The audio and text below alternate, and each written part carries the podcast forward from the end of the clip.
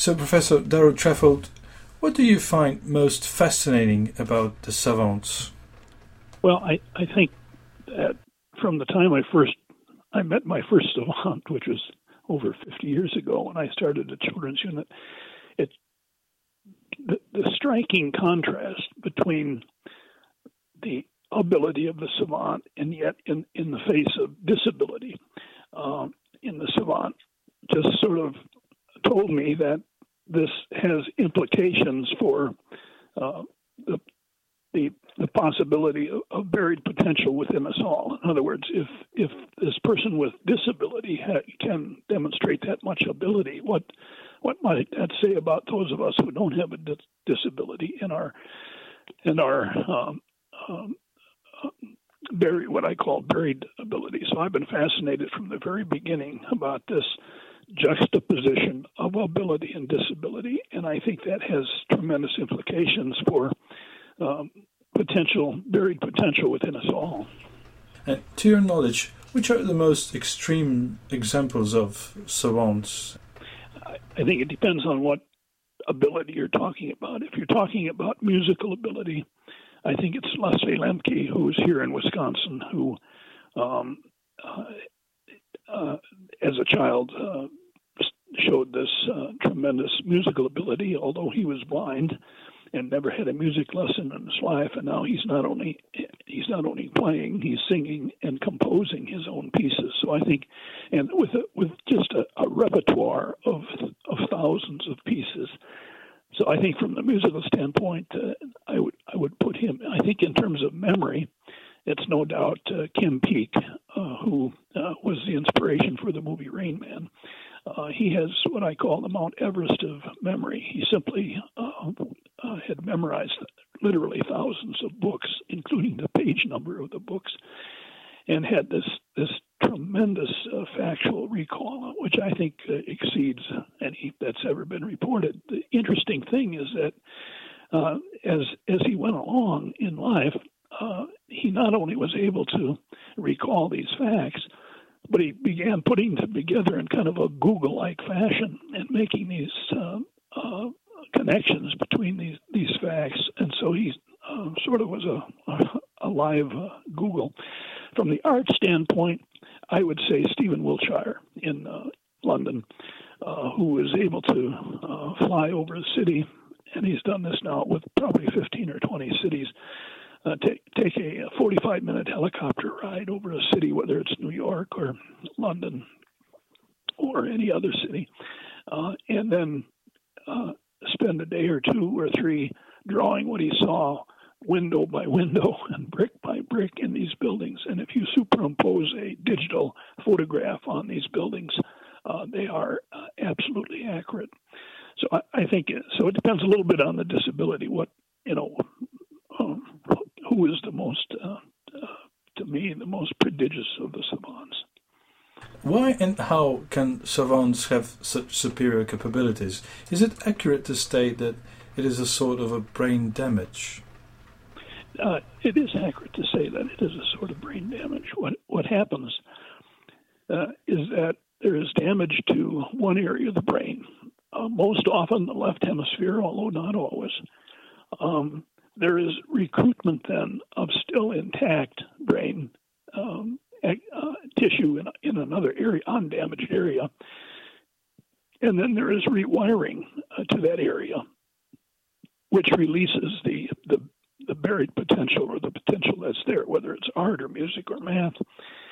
And um, it's what I call the three R's the uh, um, recruitment and, and um, uh, uh, rewiring and, and then release of buried potential. And that's true uh, not only of the congenital savant, that is the savant who's born with that ability, but in recent years I've been particularly interested uh, by the, so called acquired savant. These are neurotypical or normal people who have a head injury or, or a uh, dementia or some brain damage, and their savant abilities uh, emerge sometimes at a at a at a prodigious level that and they they previously were not artists or were not um, um, uh, people with, with, with, a particular savant ability. So uh, you're correct to say that it is a, a brain damage and it is a uh, compensation then um, by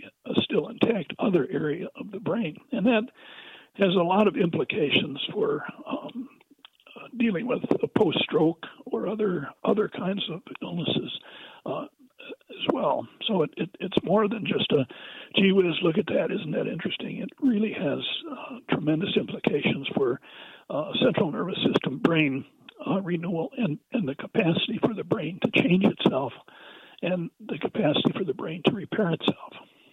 I see. And what do savants teach us about our brain, uh, about how they function and not function?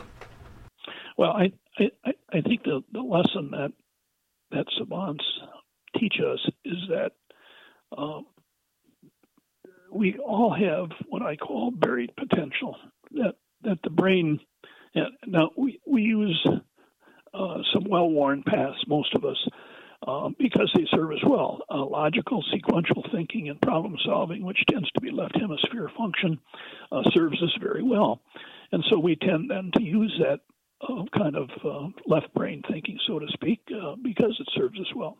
But there is the right hemisphere uh, also, which has um, um, a more concrete thinking, um, creativity, and and more involved with music, art, and math in a sort of unconscious kind of way. And I think that we, we, we harbor that buried potential. Um, and the acquired savant these are, as I said, normal people who, after a head injury or, or getting struck by lightning or whatever, are suddenly uh, have these uh, tremendous capabilities. That says to me that that resides within us all. The the the, the big uh, challenge, of course, is how to tap that buried potential without having a stroke or without getting hit by lightning or, or having some kind of brain damage. And I think we're beginning to, to move in that direction. I think that one of the things that's been impressive to me about savants, especially some of the, the more uh, uh, impaired savants, is that they know things they never learned. Uh, they instinctively know the rules of music or the rules of math or the rules of art, and professional musicians will uh, verify that with me and saying this person knows what I've spent my whole life trying to learn, and so um, they they tap into this uh, reservoir um, because of the three R's that I mentioned before. And uh, the only way that that can uh, be there, as far as I'm concerned, is uh, uh through genetic transmission.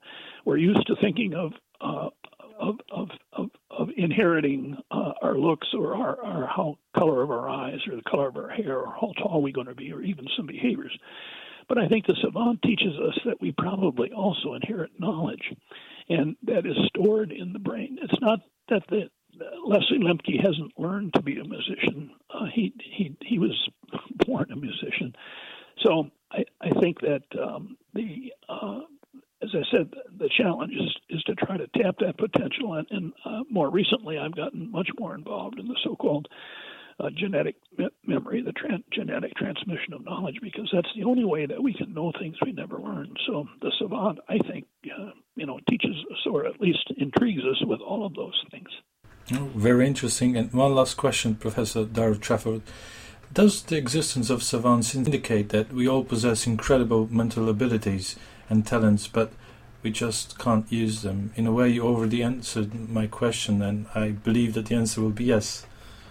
Yes, it, I, I think we have to understand, though, that I, I'm not saying that, that we are all little Mozarts or we are all little Picassos, because talent uh, even if inherited, tends to be distributed along the, usual bell curve. I mean, there are going to be some people who are very expert at music and some not. And so, uh, but it does, um, I'm convinced there is this potential within us all, and the acquired savant, especially, has been just reinforcing that in my mind, and that uh, we do have this uh, uh, potential. Now, it, it's not, as I said, it, it it varies from person to person, and I'm not suggesting that we're all little, you know, Mozarts, but uh, I think, within our particular area of expertise. And some of us are better at math than others. Some of us are better at athletics than others. Some of us are better artists than others. And so the talent is distributed um, differentially amongst us, just as it is in in uh, normal individuals, and um, it's it's distributed in different quantities. But the fact is that that potential is there, and uh, uh I think the savant, as far as I'm concerned, uh, you started with the question of what's the most intriguing thing about savants, and the most intriguing thing about savants is that from the very time I met my first savant, it just hints at that buried potential within us all. Mm-hmm. Well, Professor Darold Treffert, thank you very much. Uh, very good. Well, thank you for your interest. I appreciate your uh, call and interest in the in the topic.